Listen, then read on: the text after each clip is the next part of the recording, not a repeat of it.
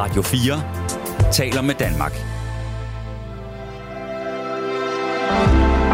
Velkommen til Madøre. Din vært er Mikkel Nielsen. Den er lige rundt om hjørnet. Flankeret af nisser, chokoladekalender og masser af pebernødder stablet i kasser i supermarkedet. Julen. Den kommer hver år. Nogle elsker den, nogle forbander den langt væk og snakker om julestress. Men kære lyttere, jeg elsker julen, og dermed velkommen til Madør. I dag skal vi agere julehjælpestue, snakke julemad, juletraditioner, og vi skal hjælpe alle dem, der synes julemaden er svær, til simpelthen at opnå et bedre resultat, uden at gå ned med julestress den 24. Og jeg har inviteret en kapacitet af de helt store i Madør i dag. Han kan alt i et køkken og i et julekøkken. Om han er julefan, finder vi snart ud af.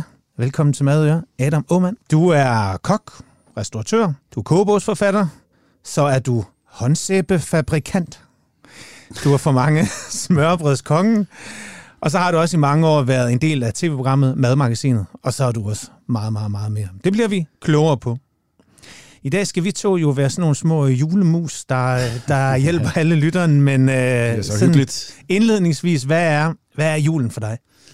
Jamen, uh, surprise, surprise, det handler utrolig meget om mad, og mm. uh, de dufte, der er forbundet med julen. Uh, også det, der ikke nødvendigvis kan indtages, uh, uh, så som uh, græn og den slags. Men uh, hvad hedder det?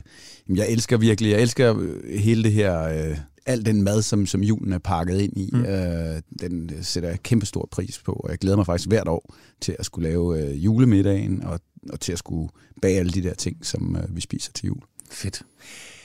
Julen og nytår er også sådan en tid, hvor vi kigger lidt tilbage. Og sådan helt overordnet, hvad har 22 været for et år for, for Adam Måmand og, og, og dit, må man godt sige nærmest, imperium? Du er jo film mange steder.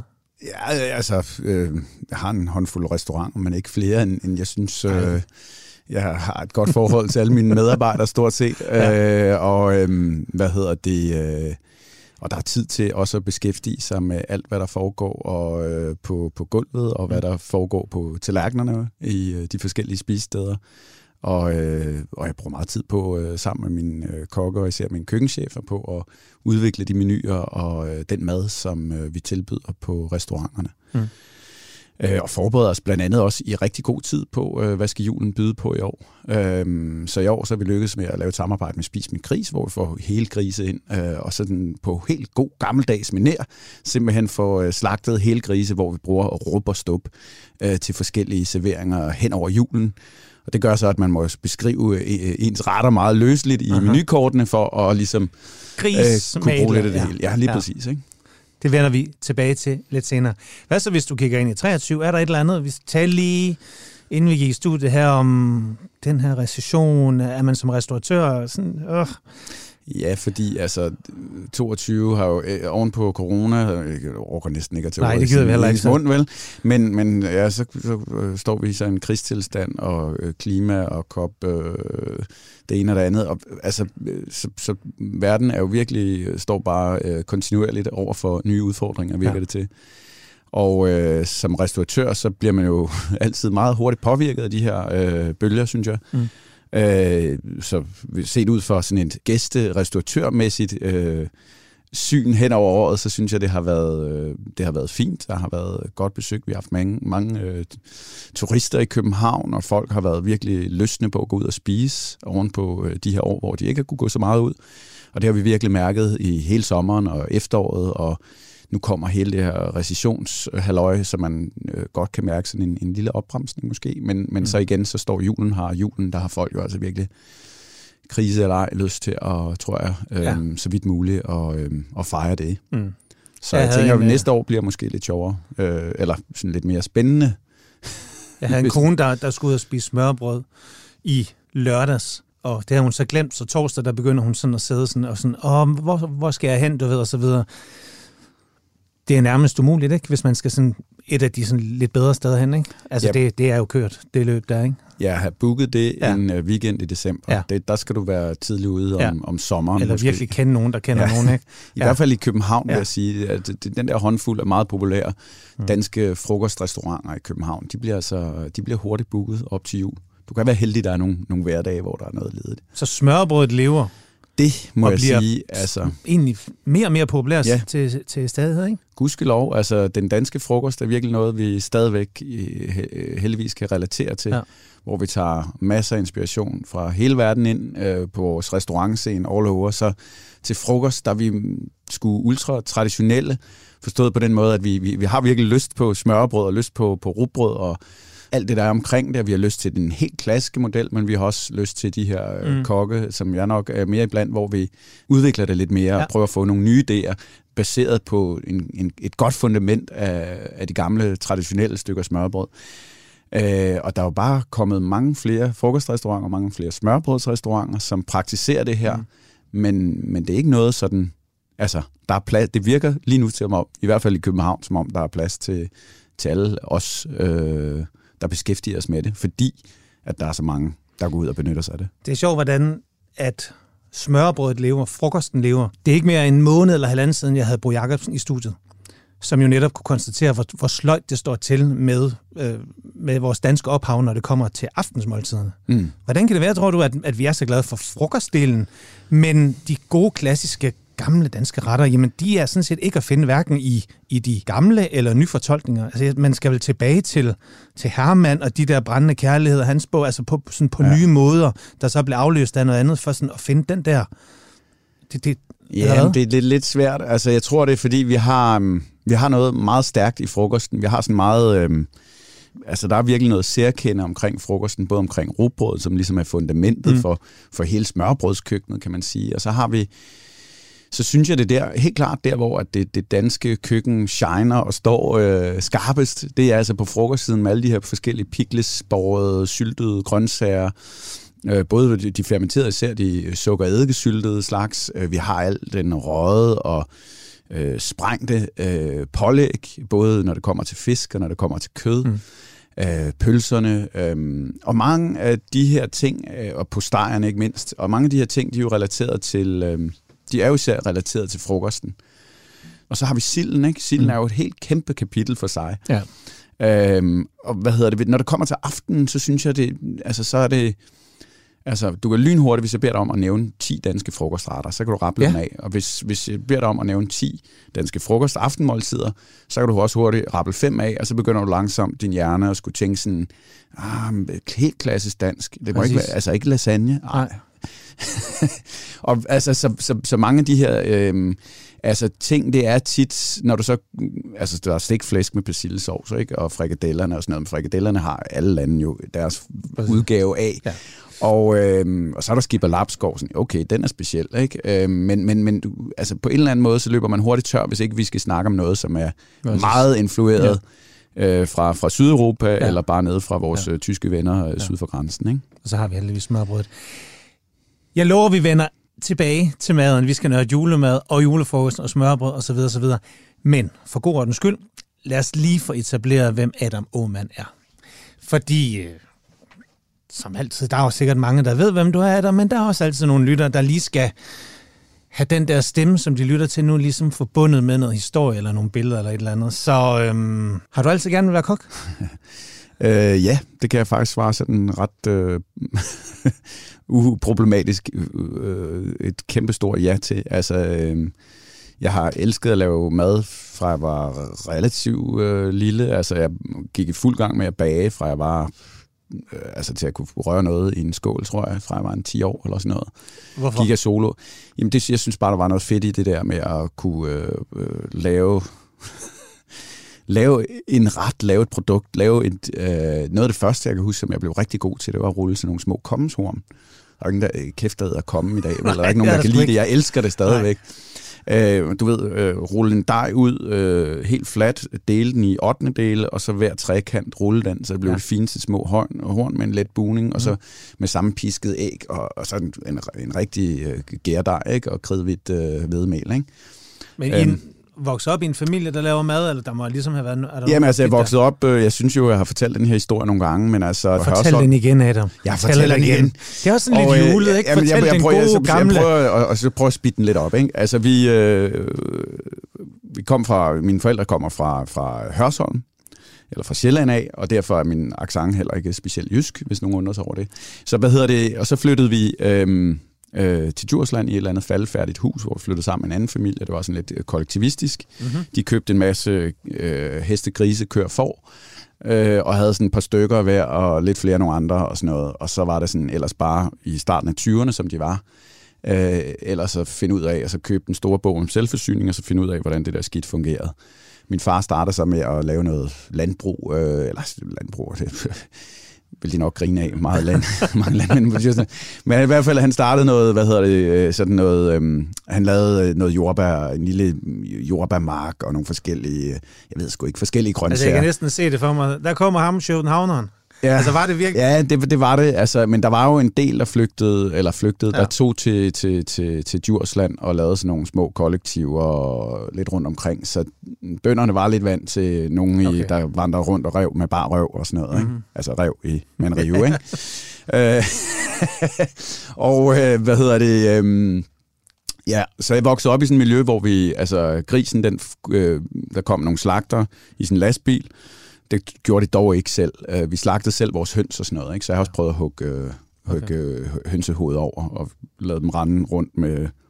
Så du var sådan set Frank Eriksen og bunderøven, før det er lige hitter med ham, eller hvad? Ja, det var, det ja. var, det var, okay. det var meget derhen af. Ja. Øhm, eller, altså, de var helt klart ikke lige så perfektionistiske som mig.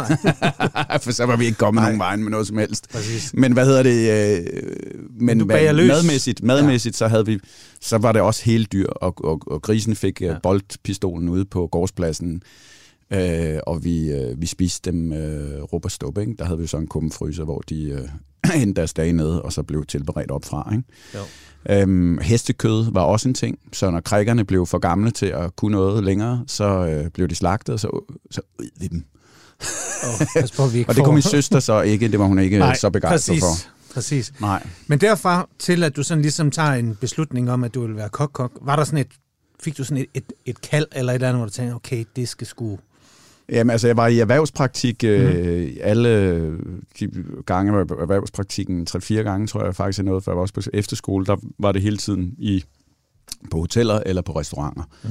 Og jeg kunne enormt godt lide øh, det der liv, der var der, den der familiestemning, der var, og du ved, man også kunne øh, altså, stikke hinanden en joke. Og, altså, der var, der var sådan en, en speciel stemning, som ja. jeg godt kunne lide. Øh, øh, og som tiltalte mig meget. Men det var nok især maden, som jeg tænkte sådan, ud fra et, noget kreativt, og jeg har altid haft det der med at, at, at, at være god med hænderne, og kunne lide at skabe noget med hænderne. Mm.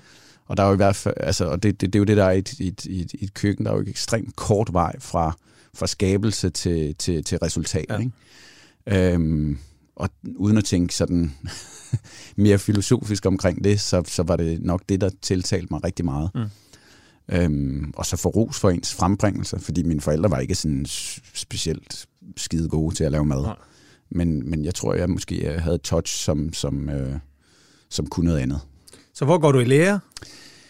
Øh, jeg går i lære, øh, altså jeg, tog, øh, jeg var i øh, Aarhus og tage øh, første skoleperiode ja. på det, der hed teknisk skole dengang. Øhm, og øh, så endte jeg op i Aalborg med at få en øh, elevplads derop på Hotel Hvidehus simpelthen ja. som var et af de finere steder i Aalborg dengang. Øh, ikke så meget bag kulissen, synes jeg. Øh, men altså, øh, vi fik masser af dejlige råvarer ind. Vi blev bare ikke behandlet særlig øh, okay. pænt. og øh, det forsøgte jeg også sådan på min måde, og du ved, står der sådan en 17-årig bumset øh, kokkelev der, og tror, han skal lære... Reformere det hele. Ja, det, det, det, det går ikke så godt, vel? Men altså jeg fik, jeg, fik, jeg, fik, jeg, fik, jeg fik lavet om på, øh, kan jeg huske, hele brødafdelingen fik, vi, fik jeg lov til at, at, at, at bage alt kuvertbrødet mm. og tage det fra den bager, der var tilknyttet hotellet, fordi han simpelthen lavede så ufattelig elendigt brød. Ikke? Blandt andet var en af de, de ting. Ikke? Og så havde vi noget reformering med en dy, ny direktør, kan jeg huske, hvor uh, er køkkenchefen, han også øh, ligesom, jeg fik repareret nogle af hans retter, kan jeg huske. Ja vi har haft rigtig mange kokke igennem det her program her, og når vi har haft nogen, der virkelig fortæller om de der hårde læretidshistorier, så får jeg altid rigtig mange mails, fordi folk synes at simpelthen, det er så spændende at høre om det. Og jeg snakkede sådan med Maria, vores producer her, sådan inden, måske skulle vi have sådan en form for rangliste, der sådan ligesom fortæller sådan, okay, hvem, hvem har været simpelthen igennem det værste. Så Adam, er der en eller anden, altså hvor hård var din læretid på Hvidehus, men du har også været i udlandet, ikke? Jo, jo, jo, jo. Jeg har arbejdet som udlært kok, har arbejdet i Paris, og jeg har arbejdet i Italien også, ja. Okay. Øhm, Men der er altså ikke noget, hvor du sådan som tænker... Som stagiaire, vil jeg lige sige, altså det vil sige, Ah, okay. arbejde gratis, for ellers så kunne jeg glemme alt om at få et job. Nej, det passer faktisk ikke. I Paris var jeg skulle lønnet, det er noget sludder. I Italien var det noget andet, fordi der, altså, der havde de ikke råd til at lønne nogen som helst. Hvis du vil ind og lære noget, så, øh, så måtte du... Øh, øh, ja, så måtte du bare stå til rådighed. Ikke? Og hvornår fandt du så ud af, at du ville være god, god? Øhm, Altså tænker der må komme Ja, til ja, et skift fra, at man ligesom bliver kok, og synes, det er fedt at arbejde med mad, til man ligesom finder ud af, okay, jeg er sgu ret god, jeg vil være endnu bedre. Jeg var oppe på et andet niveau. Jamen, jeg har aldrig haft den der, sådan nu skal jeg fandme op og lave 60-stjernet Michelin-mad. Altså, jeg har mere haft den der, jeg skal kraftedeme lave god mad af de bedste råvarer, jeg kan få fingrene i. Ja. Men jeg har ikke haft drømmen om at stå med den gyldne pincet og bare øh, have 35 kokke under mig. Det, den drøm har jeg ikke haft. Hmm. Jeg har haft drømmen om at lave fantastisk mad, men ikke på, på det der øh, niveau. Men en af dine restauranter har trods alt, hvad har I? Har I, har I en, en lille bib eller en, et eller andet øh, i nævnt? Jeg har en anbefaling, du. I har en anbefaling. Ja, ja. men gennem Så mange år, og det har, vi, det har vi haft på alle, de, Ja, ja, på alle ja. restauranterne. Så, men men ja. nej, målet er ikke, fordi der, det er jo et helt andet game. Altså, der skal du sætte en restaurant op. Du kan ikke bare tænke, nu åbner jeg en restaurant og laver fantastisk mad, og så får jeg en Michelin-stjerne. Hele det der spil er jo et game, som du skal som du skal analysere på en helt bestemt måde, hvis du vil, du ved, øh, hvis du, altså du skal jo ligesom tjekke alle de her, det er jo ikke nok bare at lave god mad, det er også øh, servering, der er omgivelser, mm. det er så mange ting. Og det, det kan jeg simpelthen ikke se, hvorfor man skulle bruge sit liv på. Tror du, en smørbrødsrestaurant kunne få en Michelin-stjerne, uden sådan at... Altså kun Det tror jeg det sagtens, men jeg tror, du skal... Det tror jeg sagtens. Altså, det, mm, altså nu har jeg været øh, spist på mange Michelin-restauranter i udlandet, og hvis, det er jo, det, det, der er i hvert fald mange steder, der ikke har med maden at gøre, kan jeg konstatere. Ja, ja. og hvad hedder det? Øh, jeg vil sige, her i København, så, så, så er maden altid øh, god på de steder, øh, men ja, selvfølgelig vil du kunne det, men du skal igen, du skal sætte dig op til det, og kan du så lave, hvis vil folk give øh, 250-300 kroner på et stykke smørbrød, eller sådan noget, det tror jeg sgu ikke. Mm. Jeg gider i hvert fald ikke. Altså, jeg synes, jeg, jeg synes faktisk ikke, det er specielt... Øh, altså, jeg bliver ikke fyldt op af hverken at komme på de restauranter. Jeg synes, det er sjovt en gang imellem at prøve et par gange om året måske. Ja. Men, men for mig så den, den virkelige madoplevelse, den handler mere om den saft og kraft, der er i, i måltidet, og, og måske med de mennesker, jeg er sammen med omkring det. Hmm. Øhm, jeg kan faktisk godt blive en lille smule træt af, af de her meget, meget lange menuer på over 16 retter. Øhm, ja. Enig. Enig. Og det kan også blive for duttet og for pincettet, ikke? Jo, men lige præcis. Ja. Altså, mm. så, så, så, så nogle af de bedste måltider, jeg har haft, og det er også når du spørger folk generelt, så deres, deres bedste måltider er jo sjældent nogen, som er indtaget på de steder. Det er jo oftest nogle måltider, som har været meget simple og indtaget under nogle helt bestemte omstændigheder, eller øh, på nogle øh, unikke steder, eller et bestemt tidspunkt i deres liv. Nu sagde du det selv. Hvad er dit bedste måltid? Har du sådan en Åh, eller for pokker da. Øhm, jamen? You said it. Jamen, det kan du, det kan du se, men det er ligesom at bede om en livret. Ja. Det er nærmest, øh, det, det er virkelig svært at finde frem til. Jeg kan sige, at den, en af de bedste måltider, jeg har haft i år, Mm. fordi det kan jeg lige relatere til, det, jo- det er meget specifikt. Jeg var i, det var i, øh, det var faktisk her i efteråret, det var i september, jeg var i Italien. Jeg var oppe øh, på en tur, vi har gået mange gange op i øh, Alperne. Øhm, øh, hvad hedder det, oppe i et lille område, der hedder Megasa, ikke så langt fra Gardasøen. Og der er en fantastisk lille um, Malga Corvo, som er sådan en lille refugie, en lille restaurant, mm. kan man i princippet. Men de laver, laver nogle få pastaretter, og så har de ellers deres egen honning fra nogle bisteder. Og det er ikke sådan noget, du ved, vi har vores egen honning, og vi går rundt i en eller anden viktoriansk øh, stråhat og sådan noget. Det er helt italiensk, og det er uden så meget præsentøst øh, dillerdaller. Det er bare hvor deres egen honning. Og så har de deres egen oste fra nogle af de lokale øh, små bønder, der står og laver dem. Og der fik jeg bare helt enkelt to komælksoste med den der lokale honning, som de bare havde puttet på en teske, fordi den var pissegod, og de var utrolig fedtet med den. Men de to, de to komælksoste og den der skide honning, det var nærmest et af de bedste måltider, jeg har fået i år. Så sad man også med udsigt hen over de mm, smukke bjergtinder, ikke? Mm. Men altså, men, men det var virkelig også velsmagende. Du lytter til Madøer på Radio 4. Adam, tak fordi du er her. Vi vender lidt hjem nu til gode gamle Danmark, fordi nu skal vi jule. Øh, der er hverken gløk eller pebernødder her på bordet en- endnu. Det venter vi lige en lille smule med. Men øh, Og vi skal heller ikke flette julehjerter eller noget. Men der, der ligger der, der noget andet ikke... på bordet, ved du. Det vender vi tilbage til. Ja, det gør der. Jeg kan godt sige, det er ikke, fordi det dufter jo. Der er det lidt duft på. Det, det, det, det tager vi senere. Men jeg tænker lidt, at vi skal tale juletraditioner og ikke mindst uh, lidt ambitioner. Sådan helt overordnet julen og julens traditioner. Hvad betyder det for dig, når vi ikke snakker maden? Hvordan holder I for eksempel en jul? Og det her med at træde ind i julemåneden, er det bare det, du tænker, fuck, nu er det bare slid og slæb og alt det der, som man måske ikke altid gider, eller hvad? Altså, snakker du privat, eller snakker du restauranterne? Privat. Privat. Ja, nej, jeg, jeg, jeg, ser, jeg ser faktisk frem øh, til julen, som jeg tror, de fleste gør. Øh, forestil dig, hvis ikke den var der, og november bare gik ind i en endnu mørk december, som så gik over i januar og februar. Der synes jeg virkelig, øh, julen lyser op. Mm. Øh, med alle de traditioner, som er bundet op, og det, altså, øh, omkring det med julefrokosterne, både øh, på restauranterne, men også øh, alle de arrangementer, jeg skal til privat. Til sidst kan man måske godt blive en lille smule træt før jul, hvis man har været til en del af dem. Men ellers så, øh, så nyder jeg de forberedelser, som ligger i det, og de dufte, som knytter der sig til, og, og så det, at man, man, man laver nogle aftaler med familier og gamle venner, som man øh, øh, prøver at, at finde tid til at, at ses med i julen. Adam, hvad med julens traditioner i forhold til din familie og dine børn? Er der et eller andet særligt, som I gør? Som, øh... Øh, altså, min, min øh, kone kan godt lide at pynte op sådan øh, til jul, ikke? Altså, med, altså mere med sådan noget amaryllis og grængrene og sådan nogle ting. Der du duft, kiggede der nærmest dufter. lidende. Var det sådan, nej, sådan aggressiv pynt op, eller? Nej, nej, nej, nej okay. det er så slemt okay. er det trods alt ikke. Ej, okay. det er ikke sådan helt hysterisk. Til gengæld så drager jeg også fordel af det, fordi hun også øh, kaster sig over et par restauranterne i den forbindelse. så det er hende, der sørger for, at der er sådan et, et juletouch der? Ja, ja. Det, det, det er hun lidt bedre til, end jeg. Jeg synes, det er svært at navigere i julepynt. Der sådan, mm. Altså, det kan jo ikke blive smagfuldt, uden det også bliver sådan lidt kedeligt, så, men det kan også blive det er sådan balancegang. Ja, ja, præcis. Når vi snakker jul, så er der mange, der har det sådan, og mindes gamle dage, at det var altid bedre i gamle dage. Der var sne og skøjt og så videre, og så videre. Hvordan var din barndomsjul i forhold til Jamen det var også, øh, det var faktisk også noget, der blev dyrket. Øh, altså jeg var meget, meget glad for julen. Øh, jeg tror, det det der med at have et fast holdpunkt, når man havde nogle mm. forældre, der var lidt øh, løs øh, på tråden øh, på mange måder I, i det der miljø i, i, i Djursland i øh, slut 70'erne, start 80'erne. Øh, så var julen ligesom et øh, holdpunkt, hvor der var nogle traditioner omkring de ting, vi skulle, og øh, det nød jeg meget. Øh, og så var der også en øh, monopol på fjernsynet, og så der var ligesom der var nogle ja. meget øh, gode øh, samlingspunkter, som, som jeg husker, om, om maden især, øh, som vi øh, gjorde rigtig meget ud af. Også ja. Der, ja.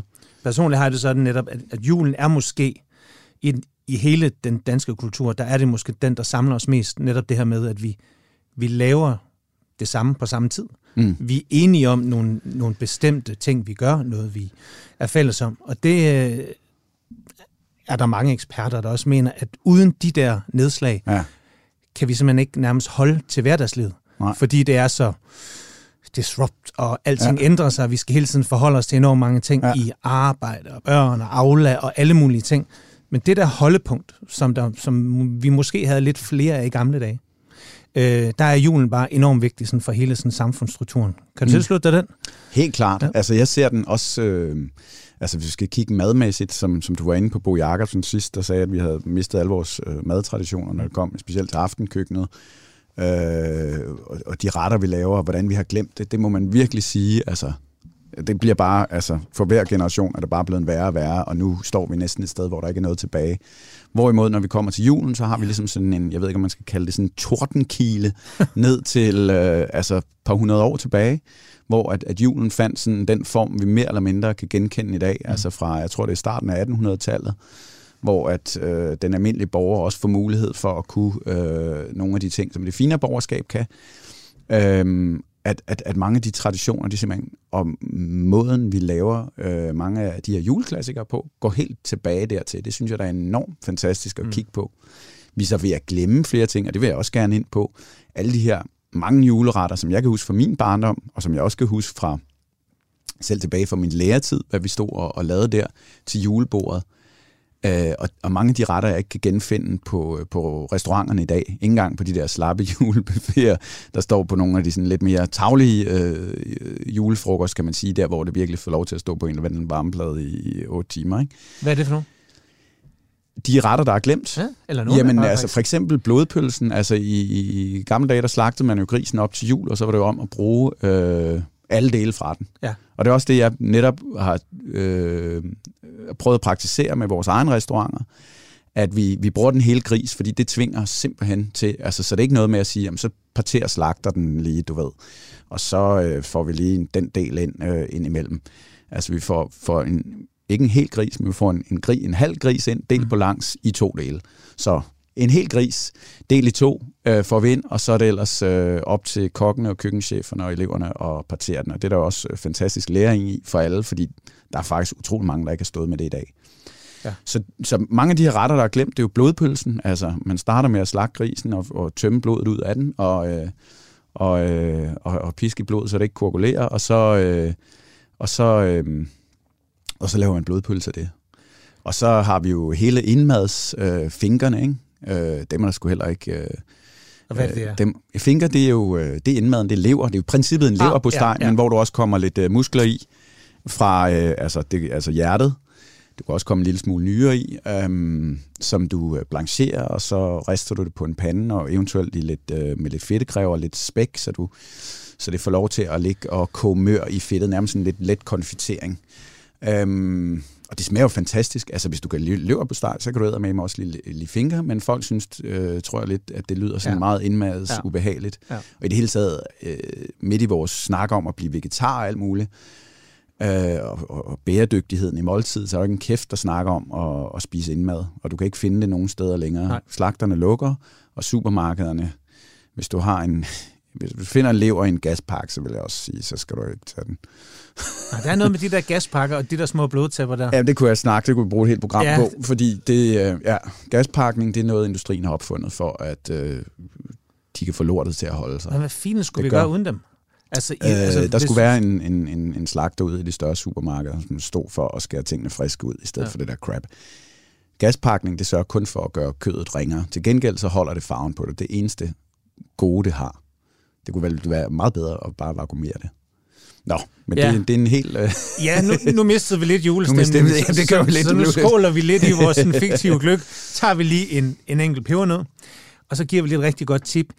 Hvis man synes, at julehistorie er spændende, og netop det her, hvordan julemåltidet startede, så skift Disneys juleshow ud med det afsnit af Emil fra Lønneberg, der handler om julen.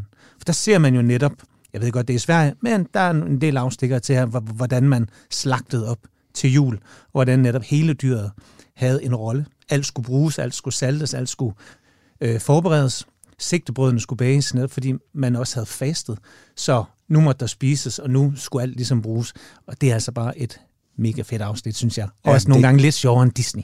Ja. Fordi det er jo bare gengang på gengang. Nå, Jamen, nu, jeg, jeg havde våde drømme om, om, om lige præcis det der afsnit, kan jeg huske, øh, hvor Emil øh, øh, går rundt der i det der enorme øh, fadebur op Ja. ja. på, på loftet og smager på de der retter. Øh, ja, det er sindssygt. Hvor meget mad, der, der blev produceret, ikke? Ja. Du lytter til Madøer på Radio 4. Ja, nu er vi nået til det. Adam, som vi sagde i introen, julehjælp. For der er mange, der har sindssygt svært ved det her julemåltid. Det er ligesom om, at der indtræder sådan en fælles glemsel. Mm. Hvordan er det, vi gør ting? Mm. Hvad er det nu, en juleand er? Altså, hvis man ser sådan tal for Google og YouTube-søgninger på, ja. Hvordan steger en and, hvordan laver jeg brune kartofler. Hver år kommer der masser af alle mulige kokker, amatørkokker og influencer, der skal ud og vise, sådan her gør du, sådan her gør du, sådan her gør du. Ja. Skal vi ikke bare vedtage, nu gør vi det en gang for alle? Gør vi det let, ja. så det kommer til at smage bedst. Og jeg tænker, vi... Lad os starte lidt med julefrokosten. Sådan mm. en klassisk god julefrokost. Hvad skal der være der, og hvordan kommer vi i mål med den? Jamen, der vil jeg sige, øh, at det fantastiske ved julefrokosten, det er, at du kan forberede alting øh, dagen før, Ja. stort set, øh, og flere dage før. Det vil sige, at du behøver ikke at stå og knokle øh, 12 mm. timer, lige øh, inden gæsterne kommer. Du kan faktisk fordele mange af de her opgaver øh, i ugen før. Øhm, Hvis du nu skulle invitere mig og Maria på julefrokost, mm. hvad skulle vi så have? Jamen altså, øh, der skulle forhåbentlig være nogle flere end jer, så jeg kunne lave øh, nogle, nogle Vi store nogle personer og, og mange forskellige ting. Ikke? Ja, ja. Så hvad hedder det? Men altså, som hovedregel, der vil jeg sige, det er jo altid bedre at sigte efter lidt, men godt. Ja. Så lave, noget, lave nogle få ting, som smager fantastisk. Og der er det jo altid silden. Jeg synes, hvis man laver nogle rigtig gode sild, og hvis man bare, altså hvis man laver, har det enorme overskud, så man laver tre slags sild, så er man virkelig en ørn. Ja. Til gengæld, så har folk nok ikke ret meget appetit på den anden side af de sild. Så jeg vil sige, altså en rigtig god sild kan i princippet gøre det, men to er jo altid lidt spændende, så man har lidt at veksle imellem. Og nu siger du lave en, en sild. Jeg tror, at de fleste går ned i supermarkedet, så køber de et glas mm. med marineret sild. Ja, det kan man også. Altså det kan man, man kan jo sagtens købe sig til en rigtig god gammeldags, øh, læs mine ord, eller hør dem, gammeldags modnet sild, Ja. og ikke syremodnet. Hvis ikke der står gammeldags modnet sild på glasset, så er de det ikke. Og syremodnet sild er nedsænket, de får selvfølgelig også i forskellige kvaliteter. Mhm. Nogle væsentligt væ- værre, og nogle væsentligt bedre end andre. Men generelt set, så gå efter de gammeldags modne. De er cirka 50% dyre i hvert fald, men, men de har en helt anden smag, fordi det er altså en sild, som får lov at modne i salt over minimum 6 måneder. Det er en af de eneste beskyttede varetitler, vi har i Danmark på fødevarer. Okay. Øhm, og det kræver altså, at du har, en, du har en hel sild, og så bliver hovedet taget af, måske, det kan også sidde på. I hvert fald bliver maven taget ud af silden som det eneste, ellers så sidder dens organer stadigvæk i den. Og så øh, fordeler man salt rundt om sild i en tønde, og så smelter sildene, så at sige. De, øh, salten trænger øh, væden ud af silden, og så ligger det der, der hedder en blodlage. Og det er egentlig bare en saltlage, saltlage ja. lavet af, silden, silden, af salten og Ja. sildens væsker, der er smeltet sammen. Mm. Mm. Og her ligger de så på køl øh, og fermenterer. Hvis ikke de var på køl, så ville de blive til fish sauce, som er også lækkert, en garve. Men altså, de står på køl, og så fermenterer de meget langsomt i minimum et halvt år. Og de kan som udgangspunkt sagtens lægge det op til to. Og hvad skal vi spise til? Dem tager man så, dem kan man købe sådan der. Okay, en god man kan også, ja, så en god modsild, den, så fileterer man den for fiskemanden til den, og så udvander man den øh, i nogle timer. Øh, man kan også lade være med at udvande den i virkeligheden, hvis man godt kan lide, der er lidt mere bid og noget salt. Det gør vi faktisk ikke på restauranterne. Det er vores store hemmelighed, tror jeg. Det er det så ikke længere. Men det er faktisk... Kommer der og mere? den der udvandring står i mange opskrifter, men øhm, man kan faktisk nøjes med at skylle dem grundigt i frisk vand, så de stadigvæk indeholder den salt. Så tager man sin eddikelag, som man har tilsmagt. Silden kan godt lide en masse forskellige krydderier. En sjov eddike, det kunne være en æbleeddike og en honning, eller en æbleeddike og en rørsukker, eller det kan også bare være helt standard lagereddike og sukker og nogle laurbær og nogle mm. løg, så man lige koger op, så alt er opløst, og krydderierne har afgivet noget af deres smag, og så køler man det ned, og så hælder man det over sin, øh, sin skyllede sild. Og der skal den så minimum stå i øh, en uges tid. Ikke? Så, øh, der, Så der, og der holder den altså, så, hvis man holder den under lagen, så holder den så jo flere måneder. så er der styr på. Så er der, Yes. så er der nemlig styr på den. Ja. Og så bare k-salat på, og så videre til fisk. Nej. nej, nej tak, okay. Ja. så har du din, øh, hvis du skal lave den der karrysalat, så pisker du selvfølgelig en mayonnaise. Og Ja. det, altså, det burde være, være, være, være noget, som alle kunne øh, og lærte i folkeskolen, når de gik i første klasse, det var at piske en mayonnaise, fordi den er så nem, når du sidder i håndledet, øh, og det er virkelig også nemt ikke at få den til at skille. Og, øh, og det burde bare, den vil følge dig, den lille enkle opskrift vil følge dig hele livet. Pisk din egen mayonnaise. Og den kan du så lave en karrysalat på, hvor du kommer lidt karry i. Du kommer måske øh, halv, halv mayo og creme fraiche, masse friske æbler, lidt øh, syltede drueagurker, hakket, noget rødløg, lidt purløg. Øhm, Ja. Og nogle hakkede æg ned i, så er du jo fantastisk godt kørende. Så allerede der, hvis du har den gode gammeldags måde sild og den der karrysalat, så er du næsten, øh, altså, det er lige før du er 50 procent af vejen, ikke? Fordi her, der er, er, er, det er jo virkelig en af, af de populære retter på, på, på julebordet, ikke? Den er vinget af. Vi starter med en lille sild, snaps, en lille øl. Ja tak. Vi ruller videre. Vi er Ja. klar, vi kan godt tage lidt mere. Så skal vi jo, altså hvis der så ikke er noget stegt sild i eddike, den stegte sild, du ved, Ja. rumils og så øh, lagt i lage, den vil jeg sige, den matcher en gammeldags måde. Hvis man har de to sild, så, man, så har man en rigtig, rigtig sjov start på, på, på, på julefrokosten, og en rigtig god grund til at drikke øh, Og- og starte snaps, op med yes. nogle gode snaps også. Mm-hmm. Så vil jeg sige, så kunne man jo fortsætte i fiskeuniverset, hvis man har overskud til at lave mange retter, så kunne man jo tage, man kunne, øh, hvad hedder det, enten lave sin egen gravet laks, øh, af en god, øh, en af slagsen fra Island eller Færøerne. Øhm, som er Laks sådan er mere så tæt. udskældt, og, Ja. og den tør jeg slet ikke åbne, den diskussion med laks og sidder, hvad man skal vælge, og Nej. opdræt og så, og så videre. For Men det du tænker skal helst er vælge et opdræt, som ikke Ja. er så neddragtigt, som, Ja. som, som, det, som de fortrinsvis er i, øh, i Norge, Ja. hvor at, øh, både det foder, de får, og, øh, og de pesticider, og, øh, hvad hedder det, øh, medicin, de vel ellers bruger i fodret, blandt andet til at øh, holde sygdommen nede. Ikke? Så fik vi også lige shame Norge. Var, Jamen, tabte vi ikke også jamen, til jeg- håndbold jeg- til i dem, så? Jo, men præcis. det- de, det skal, de, skal, de skal bare øh, Ja. de kan beholde deres øh, øh, laks for dem selv, og så med resten af verden. Ja, tak. Ja, En fiskfilet? En fiskfilet, ja, det er jo også dejligt. En, øh, en, øh, det kunne være en, øh, alt efter, om man kan få fingrene i røstbæt eller skrubbe. I virkeligheden øh, skæreising er også dejligt. Mange fladfisk øh, af de små går øh, glimrende til sådan en, en lille hurtig pa- panering. Jeg plejer at lave en lille batter i stedet for mel, æg og rasp, så lave en lille, bare sådan en lille melvælling. Ja, Sådan lidt let klumpet den vil jeg gerne høre. øh, med salt og peber i. I stedet for det der, øh, så, så, kan du få, så kan du få en lille smule mere panering på, som giver et mere sprødt udtryk. Altså simpelthen bare mel og vand, salt og peber. Ja. Lind som en... Lind som en vælling, Ja. hvis nogen ved, hvad det er længere. Og så, øh, og så frit, En tynd grød, altså. vil du så fritere den, eller bare have folk nej, nej, i så smør? kommer du det ned i den. Drop alt der med æg, og så kommer du direkte over i rasp, eventuelt pangorasp, Ah, okay, så du får den- lidt mere okay. overflade. Og den er altså med til, at du har den batter, den gør, at raspen binder på en anden måde, end hvis det bare er ægmel, og hvor den så kun bider på æggene, og du får sådan nogle lidt barpletter måske. Det bider ikke sådan lige meget over det hele. Det gør det med den her. Så får du en mere tæt panering, du får en saftigere fisk, og du får en, simpelthen også en sprødere fisk. Og du kan også godt stege det der vellinglag Yes, lækkert yes, yes, i yes. din... Ja, Ja. okay. Bare steg i smør med en lille smule olie i. Ja. Og så øhm, Godt tip. også Okay, for ja. og olien for, at smøret ikke øh, bruner Mhm. mm-hmm. for hurtigt. Øh, så laver du selvfølgelig sidste, ja. remouladen til, ikke? Jo. Eller en lille rejesalat eller sådan noget. Remouladen er bare god til, ikke? Igen, der har du mayonnaisen fra før. Du laver en pisker en god portion. Og så har du selvfølgelig din super gode pickles. Nu vel, Som kan jeg også godt har købe, som du selvfølgelig også har forberedt dig. Forberedt op. Eller måske køber du bare en rigtig god Ja. en af slagsen, øh, som du lige hakker groft, og så øh, kan du eventuelt indtil, øh, tilsætte lidt ekstra drueagurk eller lidt cornichon for at give en anden form for knas ned i den. Ja, tak. Så sild, fisk, filet. Så er vi allerede, altså kan du mærke, nu er Altså, altså, allerede jeg- ved at ligge så godt i, Det er jo, i maven der. spiser jo, altså, Ja. det er jo ikke som for dengang Paul Rickard var, at de jo Nej. virkelig huggede til den, ikke? Nå, men, og, og øh, det, det er jo sådan, at når du har stået og lavet de her ting selv, så tager man jo altså, man sidder ikke og tager sådan nogle små bidder, men man kan jo godt lide at få en ordentlig stykke sild på og, Ja. ja. og noget, ikke? Jo. Og der skulle, jeg glemte også lige fedten, du har selvfølgelig også øh, lavet lidt krydderfedt, der skal under silden. Og så, øh, så vil jeg sige, så, så, så, så bliver vi nødt til at have noget kød på bordet, og hvis vi skal nøjes med én slags, så er Mm. det selvfølgelig selv sagt, at det, øhm, det er grisen, vi er ude i. Og øhm, igen, hvis vi skal fokusere på noget, som jeg er... Jeg ved ikke, hvornår vi skal introducere Den kommer, Nå. den kommer, den kommer. Så hvad hedder det? Men I godt glæde jer. Det er sindssygt. Den bedste råvare, vi har haft i år.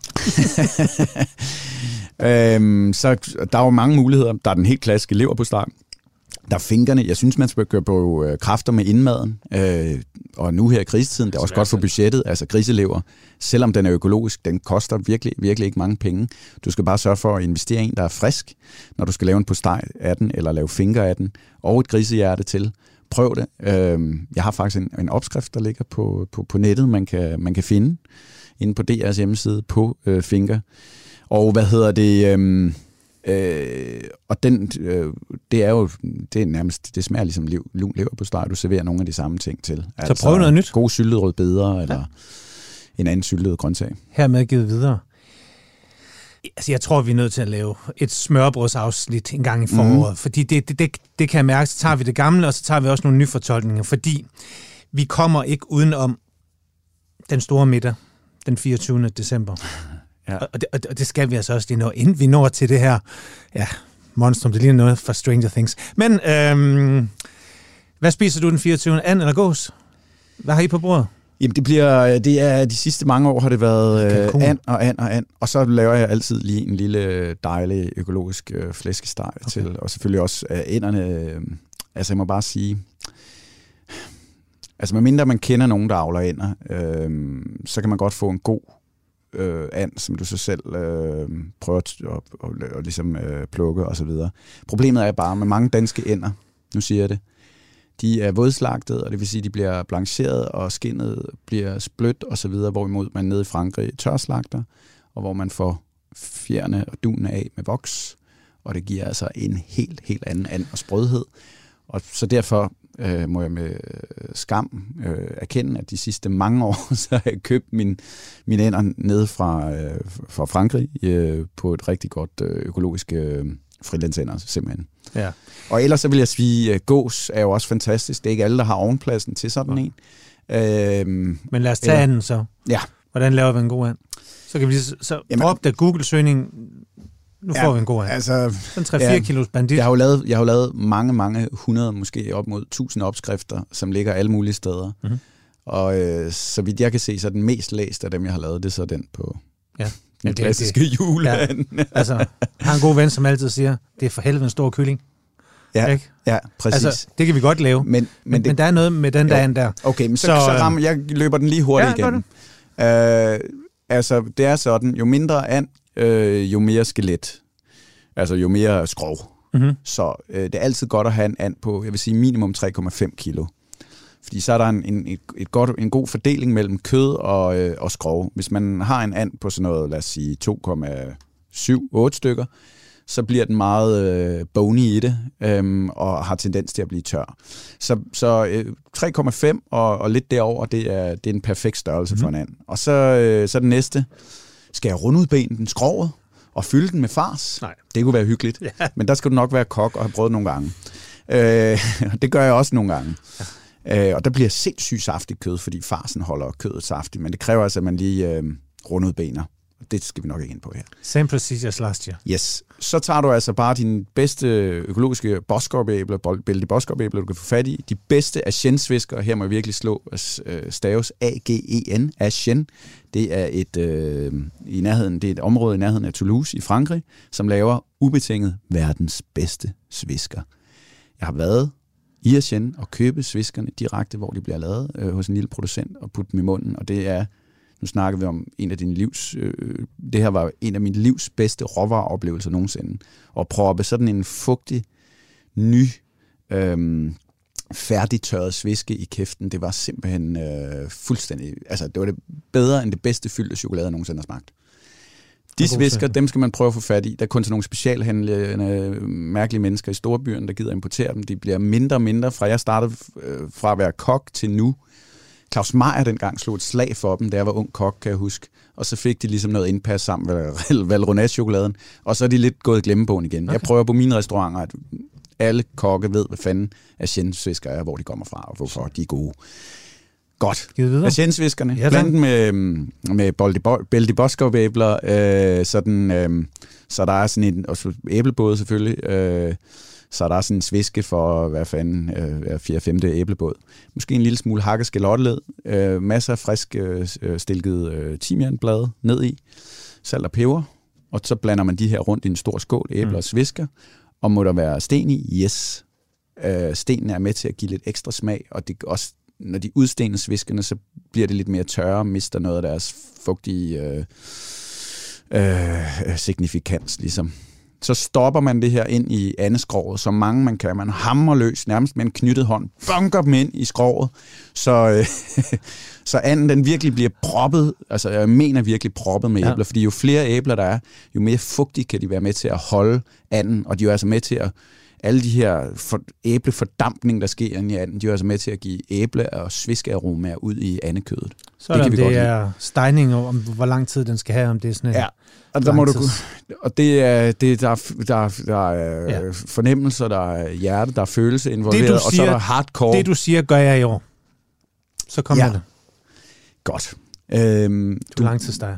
du er langstarten. Og så kan man holde nogle pauser, og det kræver lidt... Øhm, gå ind og tjek min opskrift. Øhm, men det er cirka det er 45 minutter stejning per kilo. Men jeg vil sige, jeg følger aldrig den samme opskrift hver år.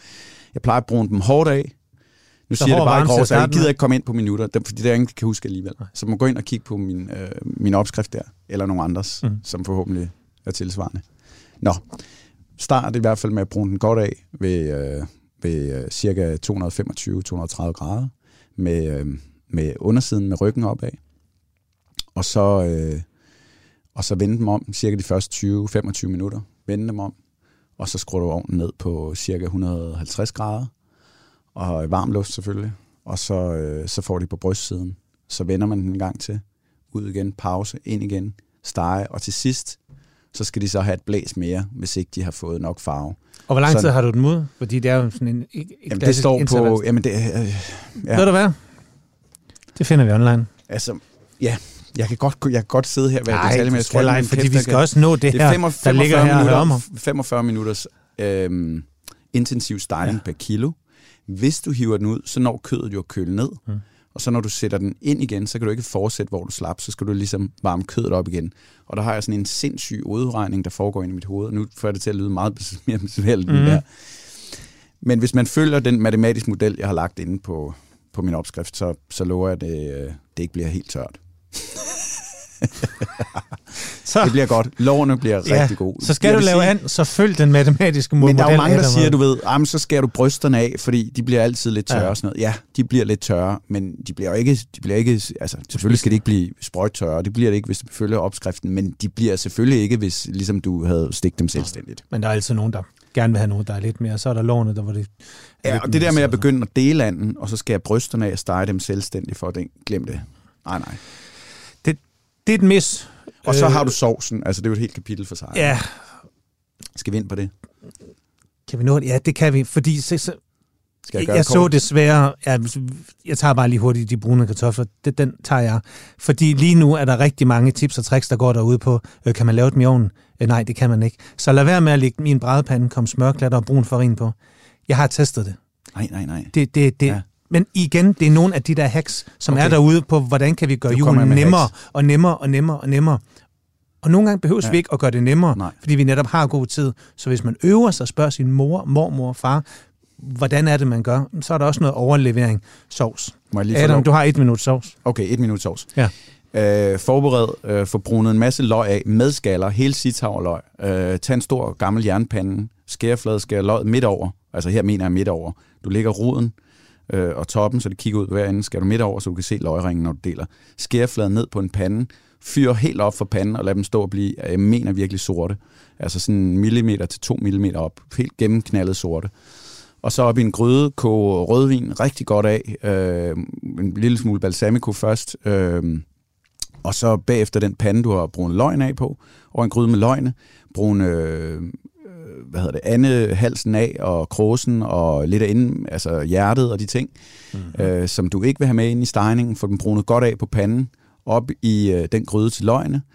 Og så hvis du havde øh, et høns, et, hvad hedder det, slutter, et kyllingeskrog, du har gemt fra sidst du spiste helt stegt kylling i fryseren, eller hvad fanden ved jeg, der må gerne være nogle, nogle, øh, hvad hedder det, nogle kyllingedele med ned i, fordi det er altså bare med til at give fjerkræs-smag. Og selvfølgelig, hvis du har en rigtig fong, så tyrer den oven i, øh, i det her, i, øh, i, i din, øh, og hvis du også kan få fra slagter noget, noget ekstra andeskov, så giver det kun mere smag. Mm-hmm. Så mens anden står dernede, så er der selvfølgelig vand under anden, og noget af det øh, juice, der kommer fra anden, det fyrer du selvfølgelig op øh, i det her øh, fongafkog senere på aftenen.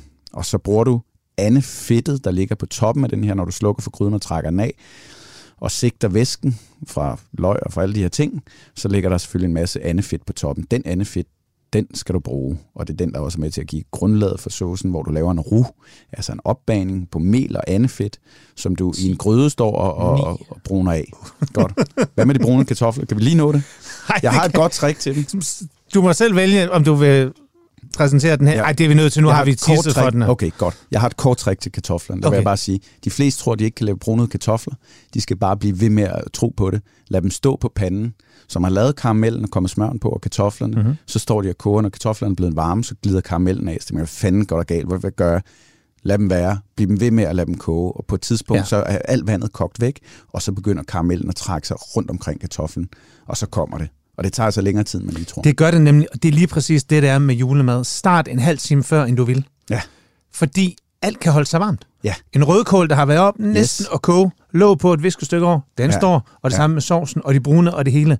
Ja. Ja. Så lad være med det der med at skal tro, du er Michelin-restaurant, og alt skal køre varmt ud på det der, fordi Også de brune, de også de brune, de står stå. lige så stille, især hvis de er kogt godt. Og faktisk, når de så har overstået ja. det der varmeste punkt, og de begynder at blive lidt smide lidt af varme igen, så bliver karamellen også tykkere, og dermed binder den bedre på kartoflerne. Ja, tak. og det er også de tre vigtigste ting, ikke? Adam, hemmelig råvarer. Yes. Der står et øh, fad, et brunt fad her i studiet, og på noget ligger der noget, som jeg tror, de fleste, der havde haft øh, madkundskab i gamle dage, øh, skulle smage på. Også i rå tilstand. Ah, forhåbentlig ikke. Men jeg havde fru Munk på Hadsund skole, i, øh, og der skulle vi, jeg var ikke vild med det. Take it away. Hvad er det? Jamen, det er et af de, øh, en af de råvarer, jeg rigtig godt kan lide at, at, bruge, og vi, vi stort set næsten har på menuen i en eller anden form. Det er lever. Det her det er en øh, griselever af en af de øh, grise, jeg talte om for, før, som vi får hele ind. Og vi bruger øhm, griselever er virkelig, altså i det hele taget lever, i det hele taget indmad er virkelig noget, vi er meget, meget dårlige til at spise. Ikke? Ja, det er det, og- inklusive mig selv. Undtagen, når det kommer til leverpostejen. Sjovt nok, mm. så høvler vi jo, øh, som det mest spiste pålæg i Danmark, så høvler vi jo øh, leverpostej indenbords. Men lige så snart den er i sin genkendelige form som lever, så har vi meget svært ved den. Eller i det hele taget relatere til den som et stykke indmad. Men jeg elsker postejer, og jeg elsker ikke kun leverpostej, men jeg elsker også alle de her sådan mere fransk inspirerede postejer, hvor man har hele braserede stykker af gris ned med, måske også nogle nødder, og måske lidt snaps i, og måske en krydderurt og sådan noget. Øh, det sætter jeg stor pris, og fingrene, som vi talte om før. Så i det hele taget, så, så øhm, Spis mere med? indmad og kaste sig ud i en svinelever. ja. Ja. Og, Og kan vi også finde en stykke- god opskrift? Adam Måman plus svinelever? Yes. Jamen, Skriv, ja, helt sikkert. Eller, husk, bare, hvis- eller Adam lever. Adam Åman. Adam Måman lever. Og husk, hvis I skal have økologiske ender med, og Asiensvisker, så bare lige skriv til dig privat, så tager du til Frankrig og tager det hele med og distribuerer det rundt til, til alle, så det ja, bliver en jeg god tror, de skriver til dig først, så kan Ja. du lige sortere. Jeg, jeg sender videre til Adam. Vi skriver bare ind til madøre. Tiden er gået. Adam, glædelig jul. Og I tusind tak, fordi du vil være med i Madøre i dag. Til alle jer, der lyttede med, tusind tak. Det er det Madøre. Det er hver fredag 14.05 på Radio 4. Jeg hedder Mikkel Nielsen. Tusind tak for i dag. Radio 4 taler med Danmark.